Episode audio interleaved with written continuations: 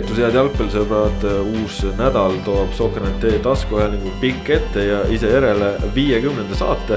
Ott Järvela kurvastuseks täna meil sefiiritorti siiski ei ole mingil huvitaval põhjusel, aga Ott Järvela ise on. tere. on ka Kristjan. näljane, näljane Ott Järvela.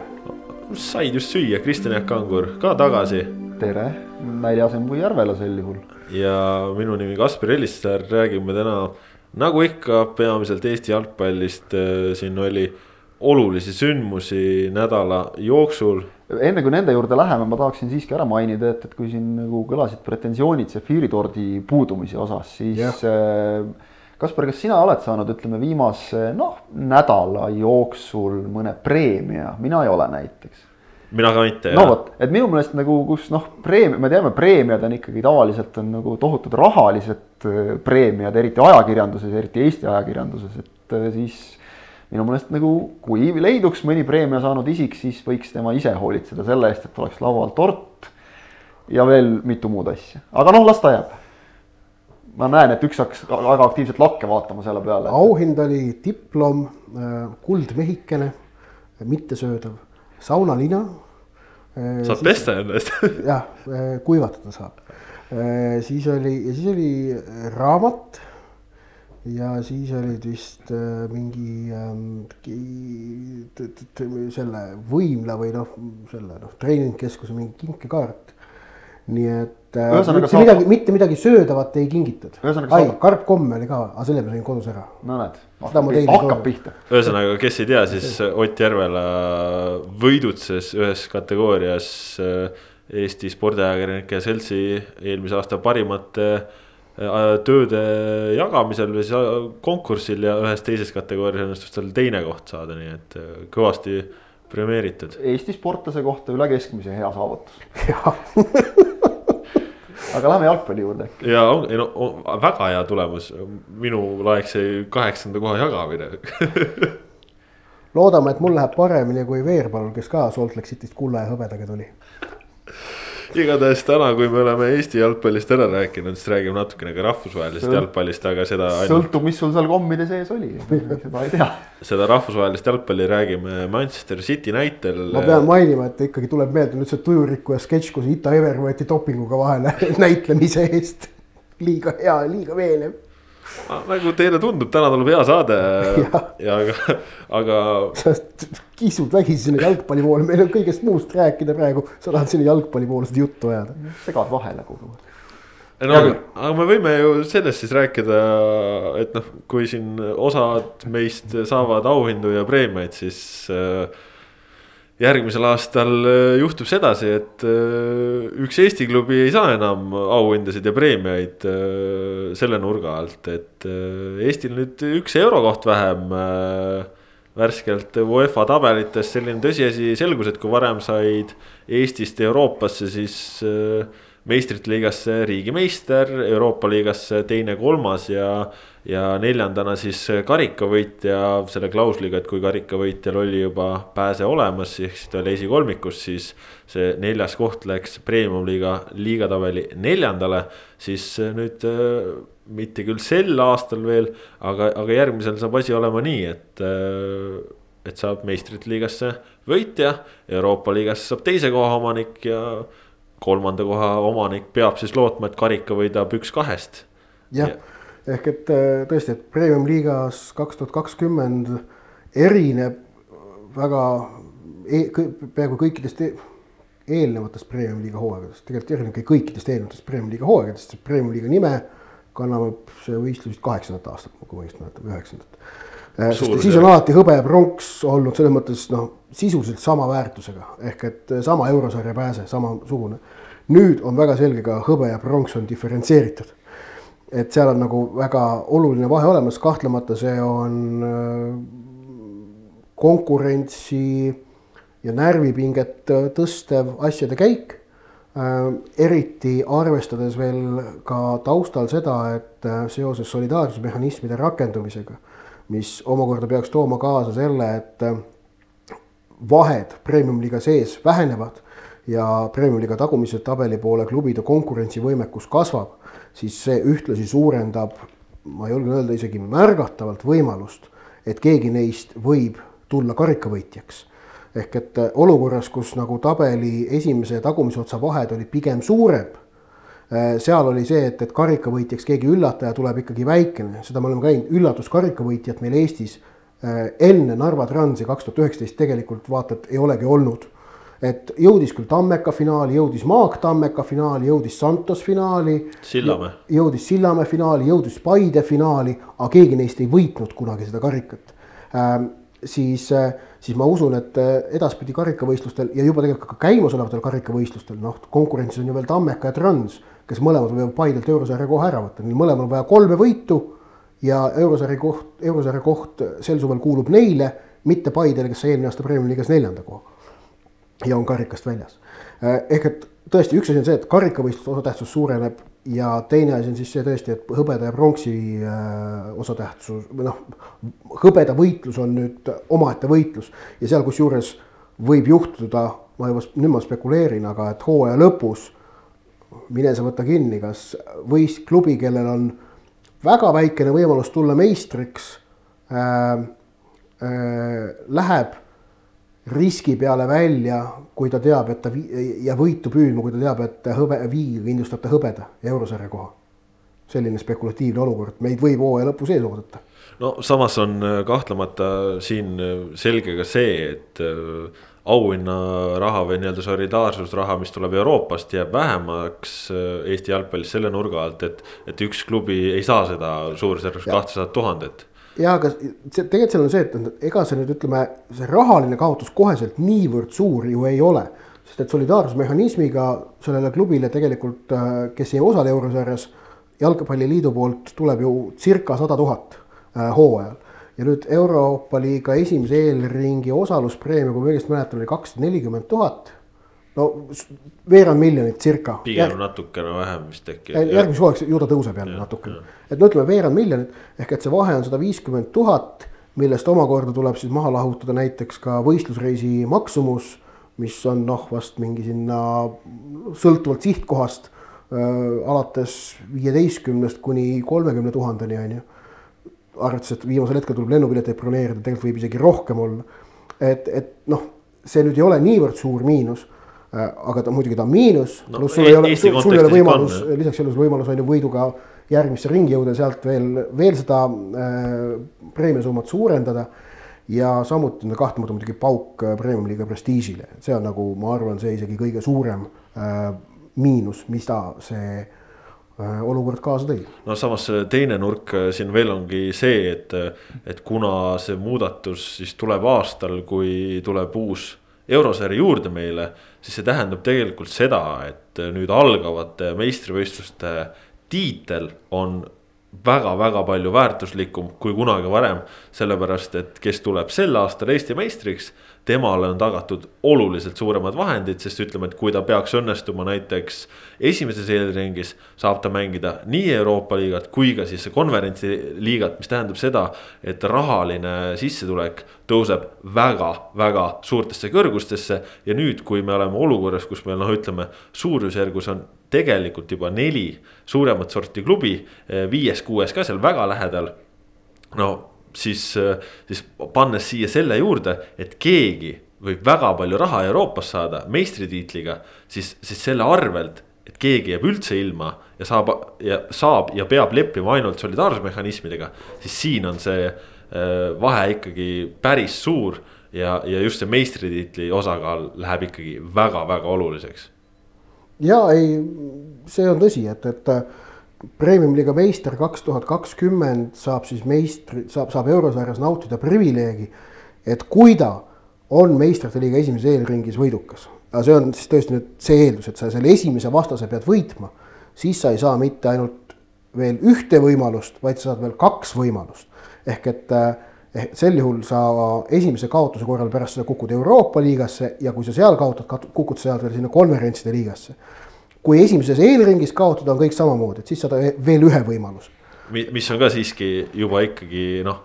see on sama, mis praegu. jah, seda küll, aga noh, ütleme, et äh, arvestatav ka tuluvõimalus taaskord, et noh, kui sa peaksid ja, ka kedagi allistama, on ju. jah, jah, et, et see on selge, et see muutis nagu premium-liiga võistlusolukorra seal tabeli tipus, andis sellele uue nüansi juurde. et tiitel on väärtuslikum ja karikas on väärtuslikum, mida veel tahta. ja hõbe ja hõbe pronksist, et noh, see just see, et siiamaani polnud vahet, kas hõbe või pronks. no ei olnud vahet, no mitte, mitte mingit vahet ei olnud, nüüd on väga suur vahe seda me ju nägime siin ka viimastel hooaegadel, kus noh, oli väga nagu punktitabelisse vaatad, väga tihe konkurents, aga tegelikult oli aru saada, et noh, kui nüüd kasvõi viimasel hooajal, et noh, kui on selge, et Flora läheb eest ära ega seal. Levadiat Kaljut ei huvitanud üldse, kas nad saavad hõbeda või pronksi, noh täiesti vahet ei olnud. platsile minnakse siis nagu noh, ikkagi mehed mängivad, eks ole, nagu täiega, aga, aga sellist, sellist lisapinget.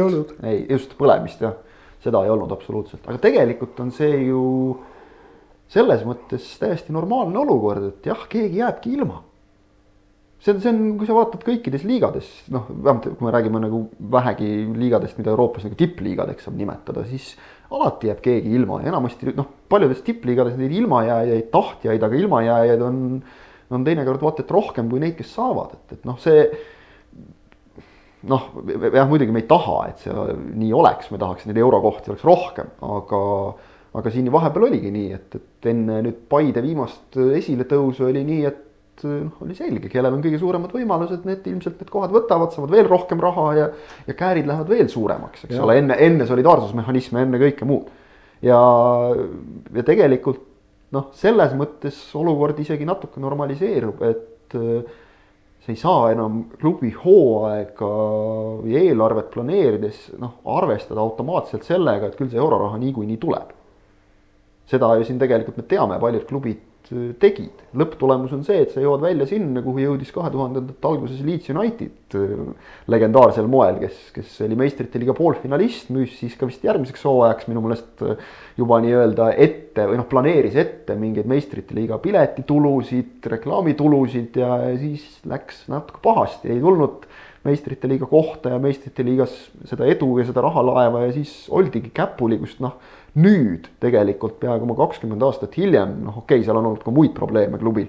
aga nüüd on siis nagu vaikselt hakatud jälle nagu ennast noh, jalgu alla saama. ja neid näiteid leiab ju, leiab ju veel ja veel, et noh, see on võib-olla üks, üks värvikamaid, mis, mis meenub nagu tippliigadest, aga väiksemates liigades on neid ju kahtlemata küll ja veel, kus on ka arvestatud eurorahadega, siis ollakse maoli ja siis laguneb kogu see asi laiali, et, et kui sa ehitad klubi noh, nagu üles ainult sellele põhimõttele, siis siis noh, ise tead, millega riskid loomulikult, igaüks on vaba seda riski võtma, aga see on ikka väga riskantne business.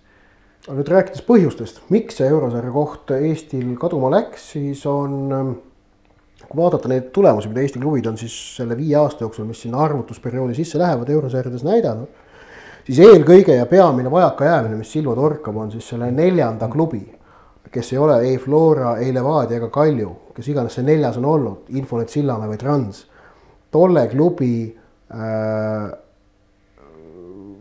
no suutmatust teha tulemust. just, just no täiesti noh, sisuline nulliring ähm,. ja, ja sest eurosarjades äh, seda, tähendab selles edetabelis antakse punkte niimoodi, et iga äh, võit või viik annab siis punkti, punkte, noh, võit kaks korda rohkem kui viik ja siis ühe riigi klubide poolt teenitud punktid jagatakse lõpuks selle klubi osalejate arvuga. ehk et igaüks, kes toodab nulliringi äh,, vähendab sellega ka ütleme, ülejäänud kolme klubi tehtud töö äh, tulemust.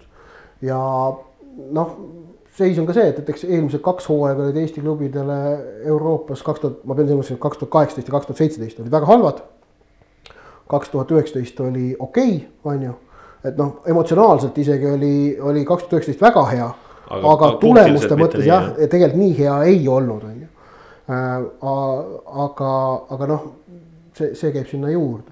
Ehm, et, et need kaks tuhat seitseteist ja kaheksateist, need on need, mis seal äh, väga valusalt löövad ja söövad ja, ja häda on see, et need kõik kõik need aastad kehtivad viis aastat ehk et arvutatakse seda tabelit viie aasta tulemuste põhjal kusjuures üks aasta jäetakse vahele, ehk et kui praegu pandi paika pärast eelmise, äh, kui praegu on tabel paigas, äh, siis see mõjutab jah, kaks tuhat kakskümmend üks suve.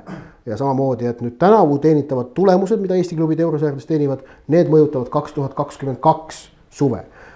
olgu öeldud, et neljal Eesti klubil, kes tänavu eurosarja alustavad, selles mõttes vastutus on väga suur, sellepärast et äh, selles kahe tuhande kahekümne teise aasta tabelis äh,, kuhu siis see, need tänavused punktid lisanduvad seal on Eesti koht veel vähe halvem kui see viiskümmend üks, kus me oleme kahe tuhande kahekümne esimese aasta tabelis. seal me oleme suisa viiekümne kolmanda ehk tagantpoolt kolmandad on see stardipositsioon, kuhu siis need neli klubi peavad midagi juurde teenima. ja tuletan meelde, tuleb tõusta viiekümne sekka, et see neljas eurosarja koht tagasi saada ja noh, põhjused ka, miks äh, Eesti siis äh, nii vähe punkte saanud või miks me nii taga oleme, on siin ka seos sellega, et need kõige väiksemad riigid, kes alustavad EL-ringidest, nemad saavad seal samasuguseid äh, punkte, ehk siis kui see San Marino kui... võistkond alu, alistab. San Marino pole küll tegemist, aga kui Andorra sats alistab San Marino satsi EL-ringis kaks korda siis teenib ta enda riigile, Andorrale täpselt sama palju punkte, kui teenis Äh, FC Flora äh, Radnitški niši alistamisest ja Nõmme Kalju Škendi alistamisest, mis on ka kaks võitu. oli noh, et Flora sai ühe võidu, Kalju sai ühe võidu, see on kaks võitu, aga kui Andorra sats võidab San Marino klubi selles EL-EL ringis, on see ka kaks võitu, need kaks võitu on täpselt samaväärsed.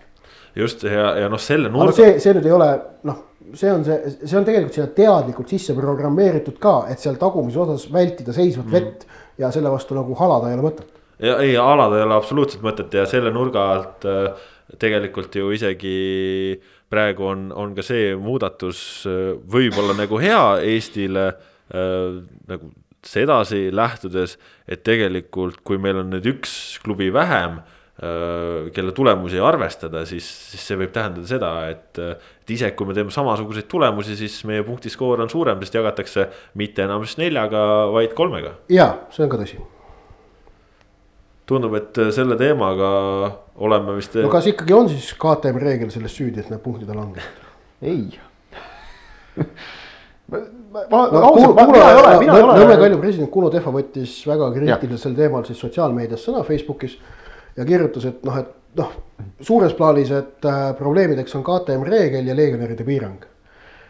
ütleme, et kui ma, ma, ma võin noh, teoreetilisel tasandil nagu isiklikult aru saada argumentidest legionäride piirangu osas, noh, kuigi siin on ka omad tagad, milleni ma kohe jõuan.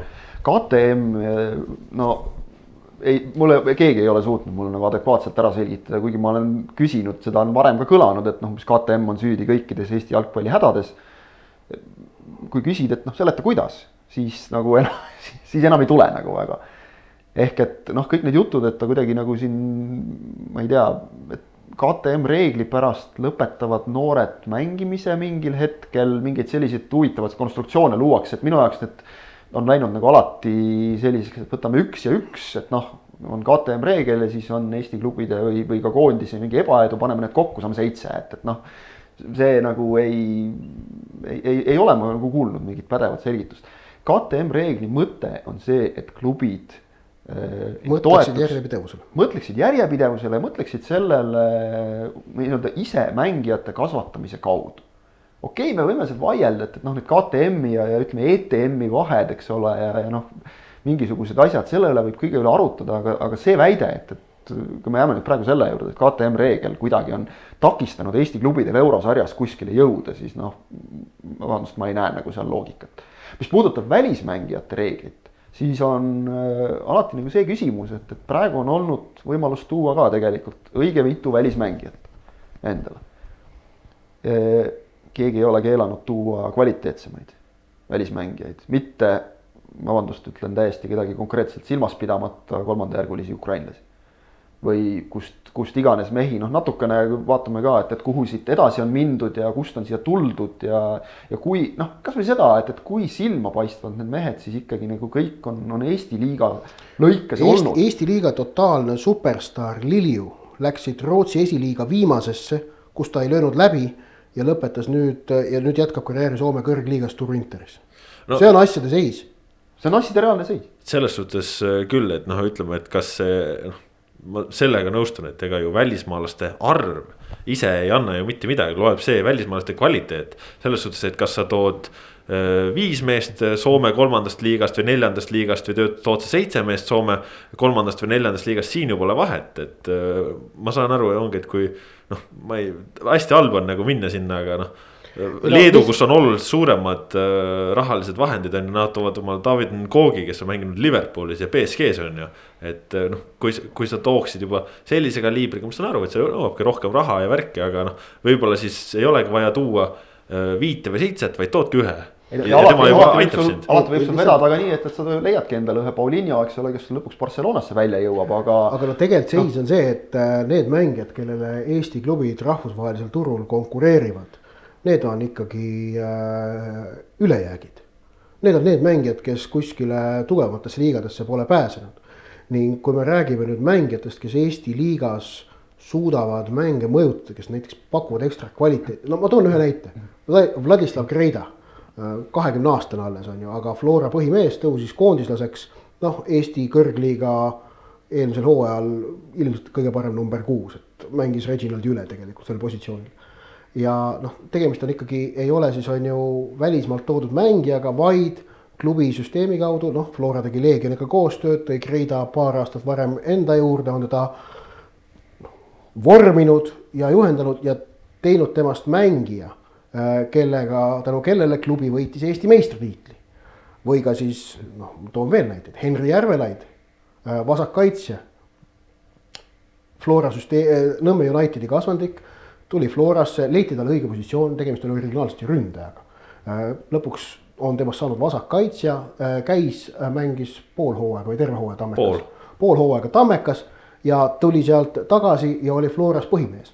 ehk et mängijate arendamine, mängijate kasvatamine on nüüd see viis, kuidas on võimalik äh, ja mõlemal näol on tegemist nüüd jalgpalluriga, kellest noh, Flora loodab ilmselt lähitulevikus, lähiaastate jooksul ka müügiartiklit, eriti Kreidast. Eh, ehk et seeläbi on oluliselt hõlpsam saavutada kvaliteetne mängija, kui otsida teda sealt üleminekuturult, kus praegu tahad sa tuua Kreida või Järvelaiu kvaliteediga keskpoolikut või äärekaitsjat, siis eh, tuleb sellise mehe eest, sellisele mehele maksta noh, ma pakun palka, mis on Kreida või Järvelaiu palgast kolm korda kõrgem. no ja. kui välismaalt tahtsid. FC Levadia on ju Nõmme Unitedist ja, ja vahepeal Paideski käinud. Mark-Oliver Roosnop oligi, Nõmme Unitedist tegi, toodi Levadia süsteemi, käis vahepeal Paides. mees lööb iga hooaeg vähemalt kümme väravat on ju. jah, et ta on Levadiale väga väärtuslik mängija. või siis, kui sa tood välismaalt, siis proovi seda Paide mudelit, mis noh, ütleme, ma julgeks nüüd ikkagi juba öelda nende noh, viimase kolme näite pealt, kolme näite pealt saab juba öelda, et töötab. ehk et tood mängijaid, keda on võimalik edasi müüa, arendada. jah, et, et, et sa tood potentsiaaliga mängija ka. keda sa, keda sa siis ikkagi ise ka arendad mm. edasi täiesti teadlikult, sest et sul on ka motivatsioon seda teha, et, et noh, ja, ja noh, jah ühesõnaga see nagu minu jaoks nagu alati see, et, et aga umbes, et vaat kui, kui meil välismängijate piirangut ei oleks, et küll siis tooks mehi, et siis tooks ka igasuguseid Ngooge ja, ja ma ei tea, keda kõike veel, eks ole, noh. mis on seni seda takistanud teha siis ja kusjuures samas selle kõrvale jääb jutt, käib jutt, kuidas noh, Eestis jalgpallile raha leida on väga raske, raha ei ole, mille eest sa siis nagu kavatsed tuua neid kümme välismängijat, üksteist välismängijat meeskonda, kui juba praegu on, on jutt, et raha on vähe, need kaks asja ei klapi nagu absoluutselt kokku omavahel, et noh ma saan nagu inimlikult aru, et, et äh, noh. keegi, keegi või miski nagu peab ju süüdi olema, eks ole, aga, aga praegu nagu võtta seda KTM reeglit siin ette ja. ja, ja noh, tampida nagu kõik selle kraesse, no, no ei ole loogiline kuskilt otsast.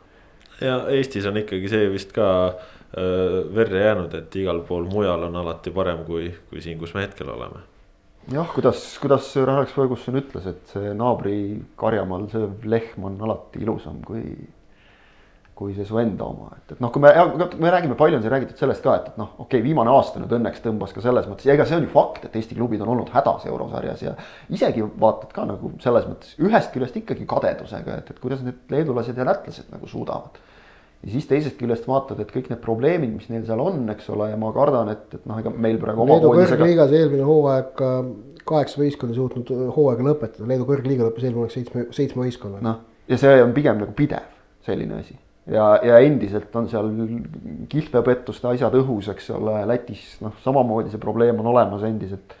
ja, ja kui sa vaatad nende mõlema riigi koondiseid, siis noh, ma tean väga hästi, et meil ei ole endal ka praegu hõisata aga ütleme vähemalt noh, Eesti koondis võib-olla isegi mitte koondise mängud, aga koondislaset, potentsiaalset koondislaset, kui vaatad, vaatad noor, noormängijate käekäiku, ütleme viimase aasta-kahe jooksul, siis see annab vähemalt nagu mingit lootust.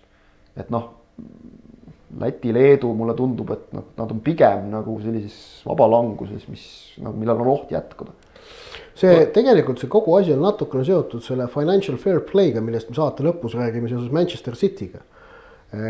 vägagi. Premium liiga on äh, selles mõttes noh, niimoodi väga julma ja mitte lõpuni täpset analoogi tõmmates ikkagi kopeerimas Inglismaa Premier League'i mudelit, kes on äh, algusest peale, kui Premier League üheksakümmend kaks, üheksakümmend kolm hooajal alustas teadlikult forsseerinud seda, et tulusid jaotataks võimalikult ühtlaselt.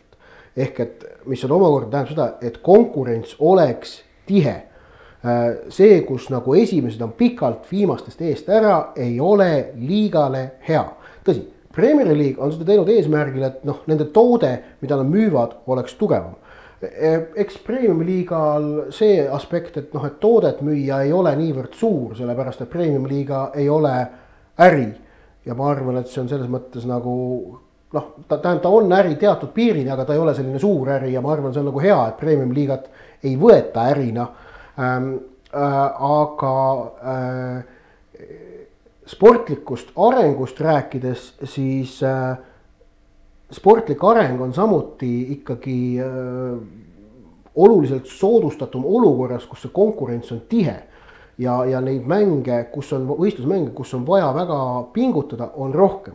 ja noh, premium-liiga erinevate regulatsioonidega, mis on siin liigas kehtivad, äh, needsamad solidaarsusmehhanismid, mis praegu tulevad, aga ka tegelikult ETM, KTM reegel on seda teadlikult äh, niimoodi sinnapoole lükanud ja, ja see on minu meelest nagu mõistlik mõte.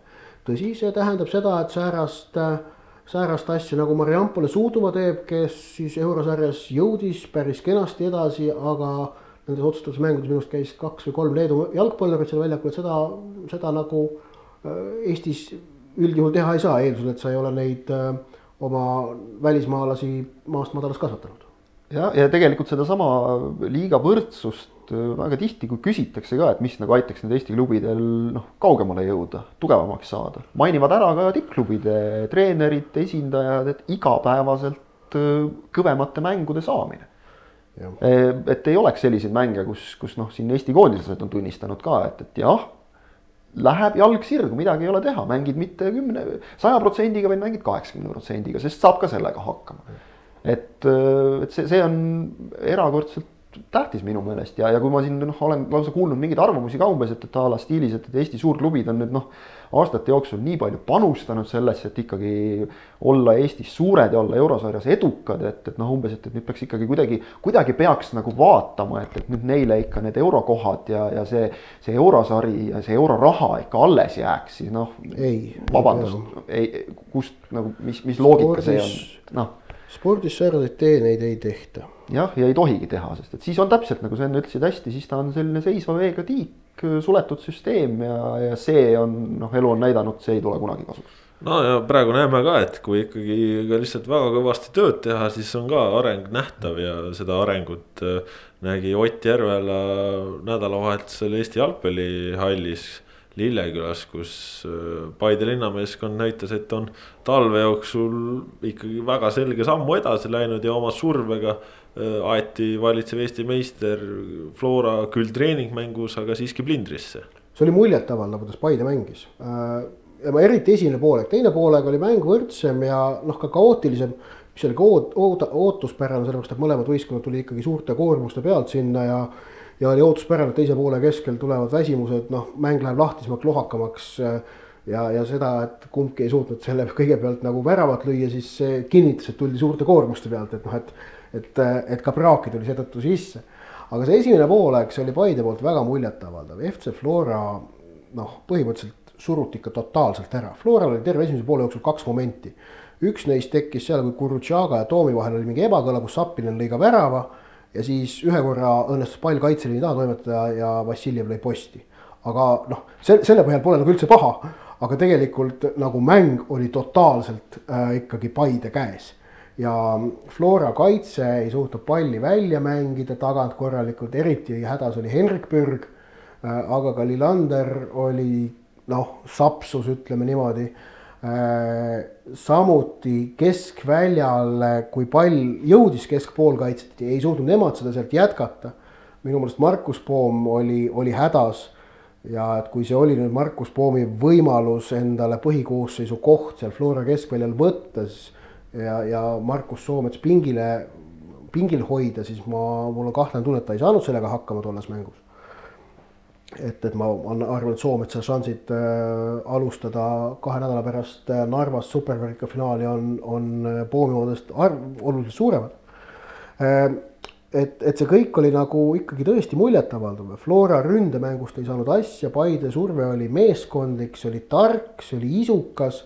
jah, muidugi Paidel on just nimelt Flora vastus eriti suur tõestamisvajadus, noh, meil on seal Joosep Saliste ja Andrei Frolov seda keskvälja juhtimas, mõlemad mehed, kellele Flora on öelnud nägemist. seal on tahavad. pool satsi on täis endisi floorakaid. nojah, neid floorakaid on see veel, noh, Toom, Mööl. Kase. Kase, jah ja., Luts, noh. jah, leidub, on ju. häda pärast saad alg üheteistkümne kokku nagu isegi võib-olla klubi pealt otsida. aga äh, et muidugi nad olid Flora vastu väga motiveeritud ja mängunälg oli neil ka ilmselt suurem, et noh, Floral on neid mänge rohkem olnud, on ju. aga ikkagi, et see oli nagu väga muljetavaldav vaadata, lisaks tõstan eri, eraldi veel esile siis Christopher Pihti mängu, et kaheksateistkümne aastane ründaja paistis küll, et on ikkagi talvega kenasti juurde pannud, selline küps esitus äh,, targad otsused äh,, ei rabistanud, ei sabistanud äh,, kui, kui mingid noh, sellised poolvõimalused tekkisid, valis enamasti õige lahenduse ja väravat ei löönud, noh, ega tal ei olnudki sellist šanssi, kus ta oleks pidanud lööma. aga, aga just nimelt targad, õiged otsused ja noh, seda siis Eesti kõrgliiga parima kaitseliini vastu. Flora mängis oma põhikaitseliiniga. Äh, Lillander, Pürg, Kuusk, Järvelaid, taga Aaland on ju. mulle pihta on jäänud just sellega, tegelikult jäi silma juba siis, kui ta debüteeris Premium liigas, et siis ta oli noh, ikka päris nagu poisike veel. et äh, pea on hea otsas ja, ja see mängu lugemise oskus, vaat need on need asjad, mida noh, nagu ei noh, muidugi saab arendada, aga, aga mingid eeldused sul peavad olemas olema, et, et kui, kui ta nüüd tõesti ainult püsiks terve, tal on ka noore mehe kohta natuke liiga palju vigastustega probleeme olnud, Paide vajab tegelikult hädasti endale noh, stabiilset ründajat, Lubegal läheb veel aega vormi leidmisega, see noh, on, on okei okay,, Zahovaiko jaoks ka vähemalt praegu, näis kui kaua mingil hetkel peab ta ikkagi lööma hakkama või peavad teised lööma hakkama, et, et see, see on koht, kus võib-olla minu meelest Paide saab võrreldes eelmise hooajaga vaata et kõige rohkem juurde panna nagu tipuründaja väravad. aga nüüd Flora juurde naastes, siis eh, noh, meil oli siin jaanuari keskel, minu arust me rääkisime saates ka, et, et, et ei, ei ole välistatud, Flora paneb pikalt eest ära ja teised hakkavad taga ajama, et nüüd see laupäeval Lillekülas nähtud mäng äh, vaigistas mu sääraseid muresid päris arvestataval määral ning üks põhjus, miks, miks ma seda ka arvan, et ähm, et noh, Rauno Sappinen küll ütles pärast mängu, et koostöö läheb iga trenni ja mänguga paremaks ülejäänud võistkonnaga. aga kui ma seda üheksakümmend minutit nagu tervikuna vaatasin, siis äh, minu meelest ikkagi Flora meeskonnal võtab aega, et harjuda ära Rauno Sappineni maneeridega. ta on Erik Sorgast ikka täitsa teistsugune ründaja tema tahab äh, palli saada karistusest väljaspool jalga ja siis sellega ise liikuda ohtlikusse tsooni ja seal siis midagi tekitada. Äh, noh, Sorga oli see vana hea fox in the box rohkem tüüpi ründaja, on ju. see oli see, mis, mis talle meeldis, mis talle sobis. et need on erinevat tüüpi mängijad, see tähendab, et äh, eks Sapinen peab harjuma nüüd selle Floraga, sest et see Flora, millega, kuhu ta praegu tuli, ei ole sama, kus ta kaks aastat tagasi ära läks ning äh, ka võistkond peab oma noh, asju ümber harjutama Sapineni peal. ja see, no väga huvitav on näha, kuidas need asjad toimivad ja ikkagi äh, toimima hakkavad ja noh, Flora jaoks need peaksid toimima hakkama kiiresti, ma tuletan meelde, teine ja kolmas voor on vastasteks äh, Floral Kalju ja Levadia järjest. no ja tegelikult ongi, et kui siia nädalavahetuse mängule veel juurde panna noh, kasvõi mäng Kaljuga, mis ju ka tegelikult ei olnud ju enam nii veenev. ja, ja noh, vahepeal sekka küll sellise pooliku koosseisuga ikkagi kaotus Läti klubilt Metalt on ju, et. et noh, vahe mingil hetkel ütleme, et siin jaanuar ja, ja eelkõige just jaanuar tundus, et Flora on oluliselt võimsam.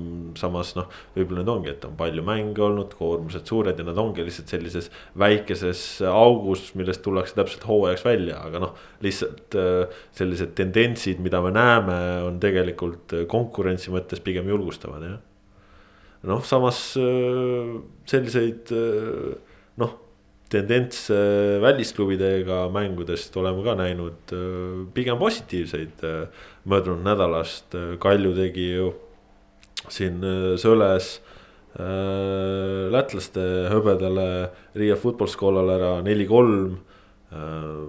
FC Levadia alistas Türgis Legnitsa Mietsi Artur Pika koduklubi üks-null noh, küll Poola esiliiga sats, aga, aga ikkagi Artur Pikar ka kindlasti väga hea meel ei olnud oma endiselt koduklubilt suust ka saada ja, ja nüüd siin nädalavahetusel veel Minski Dinamoga üks-üks viik, noh, Valgevene ikkagi tippvõistkond et selles suhtes mingisugused nagu julgustavad äh, tulemused on, on, on nagu tulnud, aga noh, samas ei tasu kunagi ära unustada, et see kõik on ju pelgalt treeningmäng, aga. aga äkki ikkagi kuskil päris augus me ei ole või? me saame välja siit vähemalt. jah, päris augus ma ei arva, et, et oleks, et äh, Levadia puhul jah, tulemused võib-olla väga palju ei näita, aga, aga Levadia peab nüüd seal selles Türgi laagris saama lihtsalt oma asjad jooksma, nad ju tegelesid siin vähemalt Eestis oldud aja jooksul ka ikka väga-väga võimsalt füüsilise põhja ladumisega et noh, seda oli mängudes näha täiesti, et, et mehed on tulnud ja noh, ega isegi ei, treenerid ei varjanud, et jah, hommikul oli korralik metsajooks ja, ja siis mängisime natuke jalgpalli ka sinna otsa veel, et, et noh, rõhk oli hoopis mujal tegelikult. ja, ja kui tõesti need Levadia Eestis peetud mängud, millest mitut õnnestus nagu näha ja noh, mängupilti just vaadata, siis, siis äh, tekitasid küsimärke ja mitte selles osas, et need mehed noh, on veel puupakkudel, aga, aga nagu ka mingid sellised, kuidas öeldakse, tahtelis-moraalsed omadused nagu jätsid natuke soovida mingites mängudes. siis noh, Legnitša on ikkagi ju klubi, Mietš on ju ka selline no tahab vähemalt tõusta tagasi ehk et, et nende, nende sihtidega, et ikkagi sihivad ekstra klaasat ehk et esiliiga ülemine pool. Ja jah noh, ütleme, tulemustest ei, kunagi ei maksa liiga palju välja lugeda, aga aga eks Kaljul on nüüd ka lõpuks ju enam-vähem vist sats koos, et, et nüüd noh, see võtabki aega, et kui sul siin kogu aeg käivad testitavad noh, üle ühe mängu on jälle kolm uut venda, eks ole, nüüd on saadud ikkagi siin, siin mitmed mehed paika, viimasena siis Pedro Viktor, et, et näis, Kalju puhul on muidugi suur küsimärk see, et, et seesama neetud KTM reegel ikkagi, et, et seni on ju mängitud koosseisudega, millega tegelikult liigas väljakule joosta ei tohiks. ehk et kahte KTM-i algkoosseisus pole olnud, et noh, kindlasti jah, siin võib deklareerida uljalt, et see reegel on Eesti jalgpalli probleem, mitte, mitte, mitte Kalju probleem, aga, aga fakt on, et ta kehtib ja noh, ma, ma nagu jubedalt tahaks loota, et, et Kalju ei lähe siin ütleme siis voltat tegema ehk et äh, tõesti nüüd meelega alustama vähemuses mingites mängudes, see, see, see jätaks see, ikka jube halva maigu asjale juurde. ma ei usu, et see on ka reaalne variant, sellepärast et esiliigas on sul viis vahetust ja seal sa võid veel selle ühe ohverdada, aga kolmest vahetusest ühe ohverdamine, see on tohutu, sportlikult tohutu tagasilöök. no ja mida see näitab siis nendele KTM-idele, kes sul klubis olemas on? jah, ka seda just, et, et noh, siin jah või, või kui nüüd rääkida seda, et, et KTM-ide tõttu mingid mehed siin eelmistel hooaegadel ei saanud mängida, et, et noh, see on ka nagu jube vahva signaal kindlasti nendele, kes sul KTM-id olid eelmistel hooaegadel. Resinald ja Teeles. noh, Robert Kirss ja, ja sellised mehed siin, et, et võib, võib-olla nagu natukene jah, ei ole, ei ole ilus, ütleme niimoodi, aga noh, vaba maa, vabad valikud kuulge, aga kihvt üleminek äh, ka täitsa tänane asi, täitsa värske asi.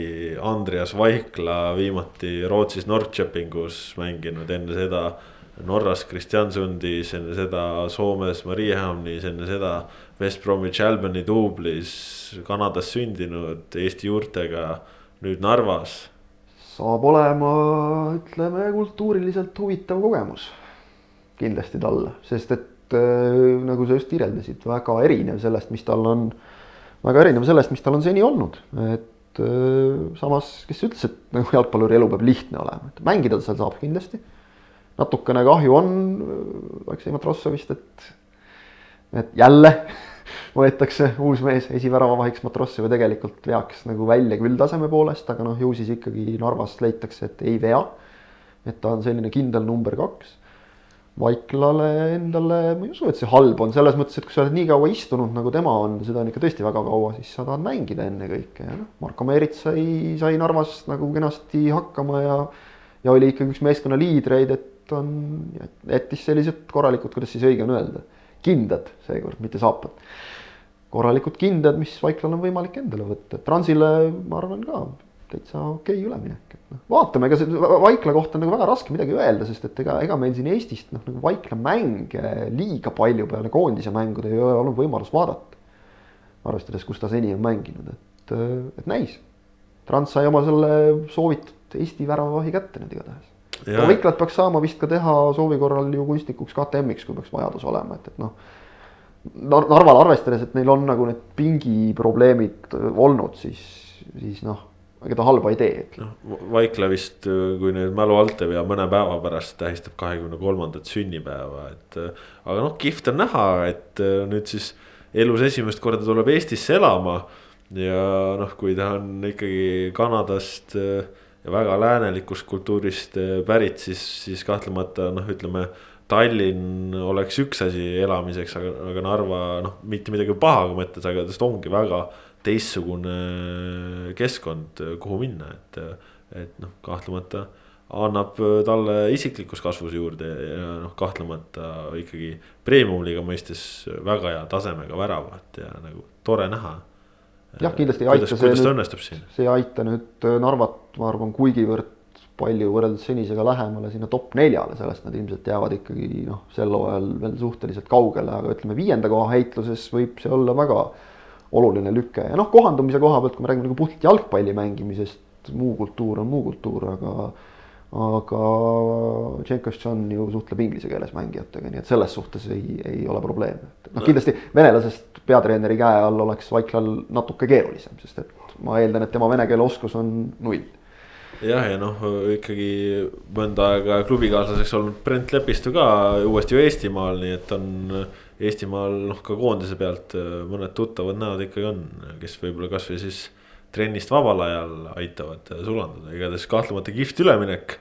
kihvt leping ja veel kihvtima lepingu tegi möödunud nädalal Georgi Dunjov. Äh, seeria A klubis Palliga sõlmis profilepingu, mis kestab kahe tuhande kahekümne kolmanda aasta suveni. ehk siis, äh, kui ta seni oli see akadeemia mängija ja ütleme, kogu tulevik oli väga-väga lahtine siis nüüd noh, isegi kui Spal peaks lendama seeriast välja, siis Dunjovi tulevik on kindel ja see profileping sisuliselt tähendab ka seda äh, teatud määral, et kui noh, Spal isegi kukub seeria B-sse, siis Dunjovi võimalused järgmisel aastal seeria B-s mängida, mis on Eesti jalgpalluri jaoks väga hea koht, on ikkagi ülemäära kõrged. no paradoks, aga kui Spal kukub välja seeria A-st, siis seda parem Dunjovile. seda rohkem kasvab tema võimalus saada mängu. küll aga ma ütlen, et see, et nüüd Dunjov lepingu tegi, siis see ei muuda äh, midagi tema selles koondise olukorras, et see leping ainuüksi mitte mingi argument ei ole selles vallas, et need argumendid on kõik teised, mis on siin juba varem välja käidud, aga seda lepingut sinna argumentide äh, ritta lisada pole mõtet see leping ainult kinnitab seda, millest on juba olnud palju juttu, et, et Dunjovi äh, edutamine ei ole olnud juhuslik. et temas nähakse midagi, ongi kõik.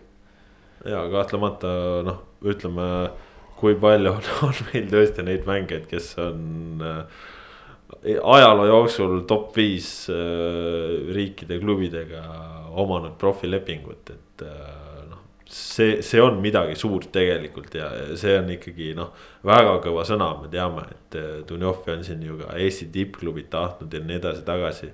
aga noh, praegu me oleme reaalselt selle veerel, et meil on siis Itaalias esimene Eestimaa mängija, kes on seal ka nagu seda läbimurret tegemas, et noh, on seal varem käinud Frank Liivak, Henri Anier, Joonas Tamm on ju.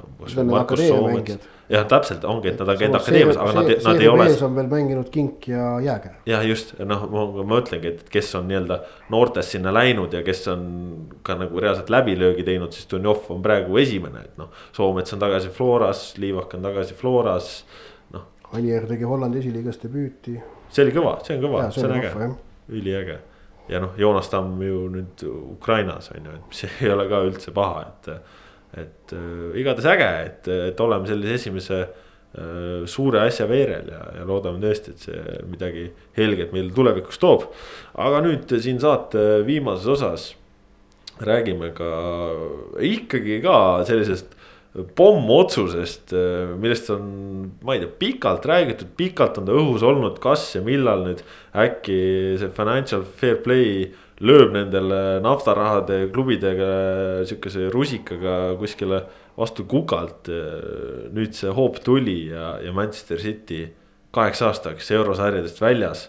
see aasta küll saavad veel mängida, nii et tõuseb erakordselt vist nende meeste motivatsioon võita veel meistrite liiga, sest eh, lihtsalt seda varianti lähiajal ei pruugi tulla, kui spordiarbitraaži kohtus mingeid asju ümber ei lükata ja, ja see üks tippklubi võib oma staatust hakata ikka korralikult kaotama. ma ei välistaks, et spordiarbitraaž teeb sellise kirikeset küla otsuse, et vähendab näiteks selle kaheaastase eurosarja keelu ühe aasta peale. ja teine tingimusi, midagi sellist. jah, midagi sarnast. see, see midagi sellist võib sealt alati tulla, aga, aga jah, et selle noh, otsuse põhjustest on, on, ma usun, meie kuulajad on sellega enam-vähem kursis, et mis see nagu taust on.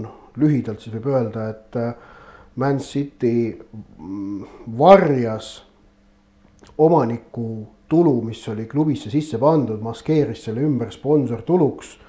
aga noh, see raamatupidamislik pettus nähti läbi, kui hakati neid sponsorsummasid vastavalt turuolukorrale hindama ja, ja no seda on tehtud pikki aastaid ja suures mahus ja sellepärast ka niivõrd äh, karm otsus.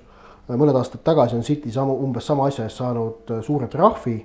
trahv neile väga suurt äh, ja samamoodi no, trahvi on saanud ka BSG. Nende jaoks see vist ei olnud ka suur trahv. ja, jah, okei see oli trahv jah, BSG on samuti saanud selle asja eest trahvi varem aga nüüd säärane otsus, noh, eks ta oli ootamatu küll, üllatav, selles mõttes, et kuna seda pretsedenti varem ei ole, siis minu meelest üllatavaks nimetada ei saa. sellepärast, et noh, et praegugi me tegeleme tegelikult mõnes mõttes tegeletakse pretsedendi loomisega.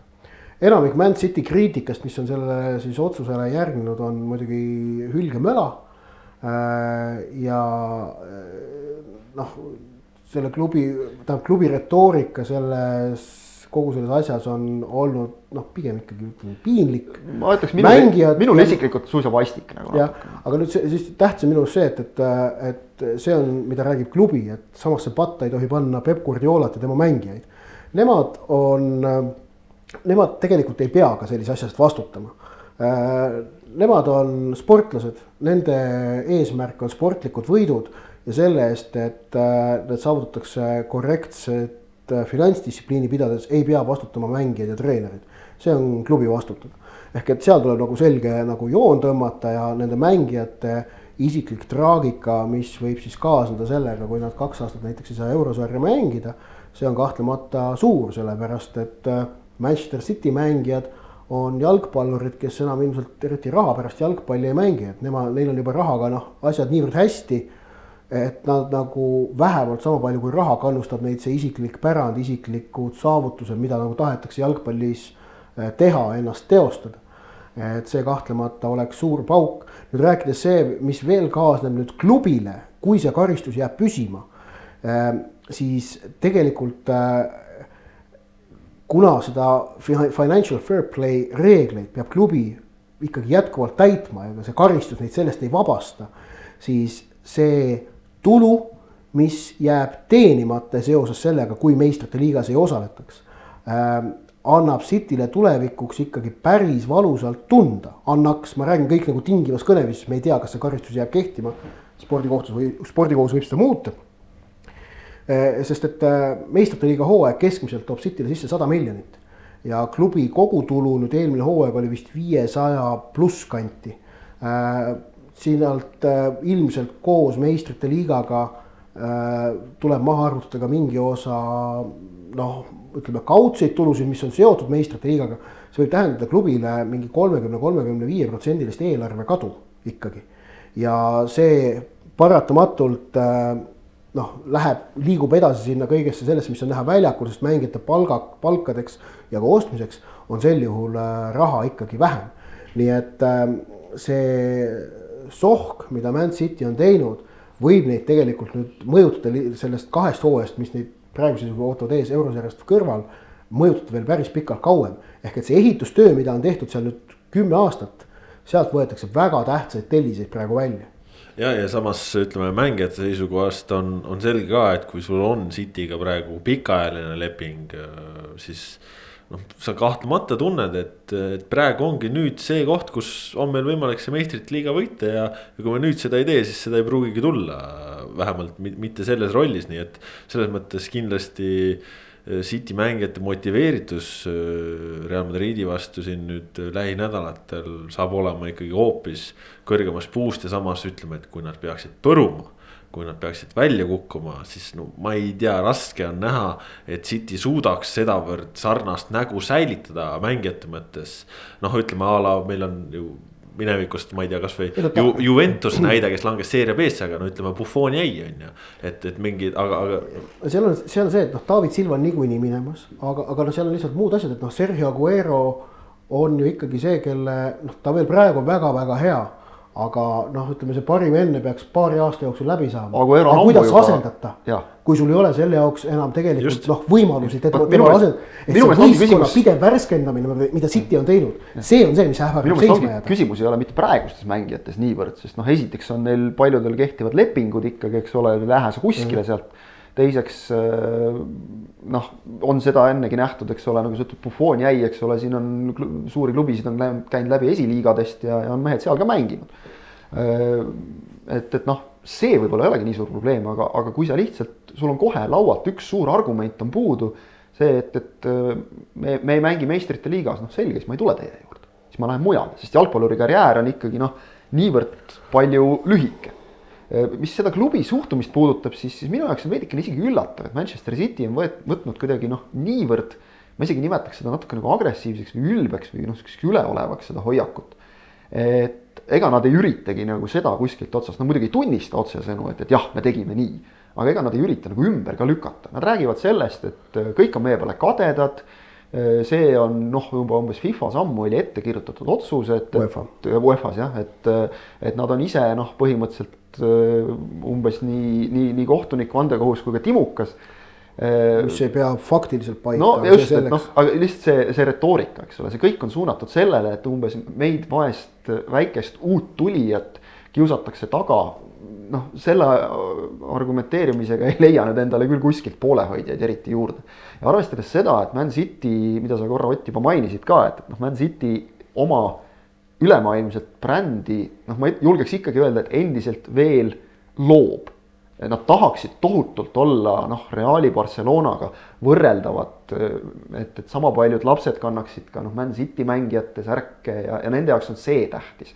maine on see, mida nad tahavad et, et sellele mainele paneb see nüüd kindlasti ka globaalses plaanis kõva paugu, kasvõi juba lihtsalt seetõttu, et kui sa näiteks kaks aastat ei mängi meistrite liigas, siis mingitel turgudel juba sa noh, vajud nagu natukene kõrvale muidugi kaks aastat meistrite liigast eemal olla nüüd ei ole ka absoluutne tragöödia, mingu Manchesteris sinna punasema poole peale küsigu, et noh, kui kiirelt sellega harjub, päris kiiresti. jah, samas Aga... neil on olnud ka Euroopa liiga ikkagi väljend no,. jah, seal on olnud Euroopa liiga ikkagi, okei okay,, see on ka sihuke.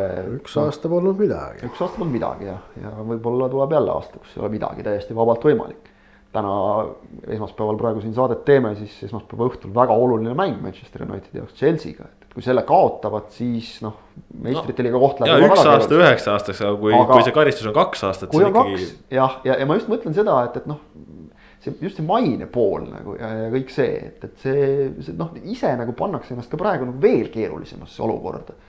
ja, ja noh, ütleme nii, et ega see, et kui sa seal nüüd süüdistad kõiki, et, et ei võta meid siia suurte poiste liivakasti. no ega selle peale sind nagu kergemal käel vastu ei võeta siin. et Eh, noh, need kompleksid tunduvad olevat nagu päris tugevad. ja, ja ütleme, et noh, siin siit väiksest Eestist targutades soovitakse oma energia suunata nüüd pigem sellele, et lihtsalt selle karistusega võimalikult valutult toime tulla. ja, ja noh, tõesti, ütleme siis näiteks leida rohkem oma tegelikult väga heal tasemel akadeemiast, kuhu on ka meeletult raha investeeritud. leida rohkem, ütleme selliseid Phil Fodeneid, kes on noh, vaieldamatult kõik asjatundjad on ühel meelel, Inglismaal üks, üks paremaid noori ründajaid, ta lihtsalt ei saa peale sest ei ole ruumi. Aguero on ees, on Gabriel Jesus ees, kõik muud mehed, kes on võimelised ka ründaja, ründajana mängima vajadusel. ja, ja nii ongi. aga, aga muidugi see jah, et, et Man Cityst nüüd noh, see patuoinas praegu tehti, eks ole, et see on, see on nii-öelda näidispoomine. selles osas on neil kindlasti õigus, sest noh, kindlasti nad tegid seda lihtsalt ütleme ülbemalt ja pärast esimest hoiatust sellest õppust võtmata võrreldes näiteks BSG-ga äh, või, või siis tõesti mingite vanade tegijatega, noh ega näiteks seesama Manchester United, ega see, et äh, klubi teenitud rahast omanikud maksavad laenu, millega see klubi üldse soetati, noh, see ei ole ka tegelikult nagu kuskilt otsast noh, normaalne finantskäitumine aga kuna ta mingitesse raamidesse langeb ja United on panustanud ka tohutult palju viimastel aastatel kõikidesse oma nendesse kartulikrõpsu partneritesse ja kõikidesse muudesse asjadesse, mis neile tõesti tohutult raha sisse toob. et isegi ilma meistrite liigata suudetakse rahaliselt jääda plussi kogu aeg. ehk siis täita neid financial fair play reegleid. noh, on, on leitud viis sellest siis nii-öelda sellisel moel noh, nagu võib ka öelda mööda minna Man City läks lihtsalt natuke liiga ülbeks. ja, ja Eestist ka siin haakuvalt ka ju üks selline noh, võrdlemisi pretsedent on loodud, esiliiga klubi Kohtla-Järve jalgpalliklubi Järve sai ka miinus kolm punkti karistuseks, kuna nemad ka ütleme nii siis otse öeldes sahkerdasid oma välismaalaste ja, ja nende tasude ja asjadega, nii et. miinus kolm esiliiga hooaja alguseks ka üks tundub sa, vähe. Siin... üks samm äh, jalgpalliliidult äh, noh näitamaks, et selline asi ei ole okei okay.. tundub vähe, kui siin võtad, et noh, on ka miinus kümme ja miinus viisteist saadud mingites liigades, aga vaadates äh, selle hooaja esiliiga osalejaid, siis see miinus kolm võib Järvele saada, võib olla väga otsustavaks hooaja lõpus, nii et. et noh, rahaasjad tuleb ikkagi üldiselt korras hoida vot väga hea koht siit eh, tänasele saatele joon alla tõmmata, selline oli viiekümnes saade Pikk ette ja ise järele. aitäh, et meid kuulasite, kuulake meid taas uuel nädalal, minu nimi Kaspar Elisser, täna olid siin teiega veel ka Kristjan Jaak Kangur ja Ott Järvela. nii et püsige jalgpallilainel, püsige Sokkerneti lainel ja.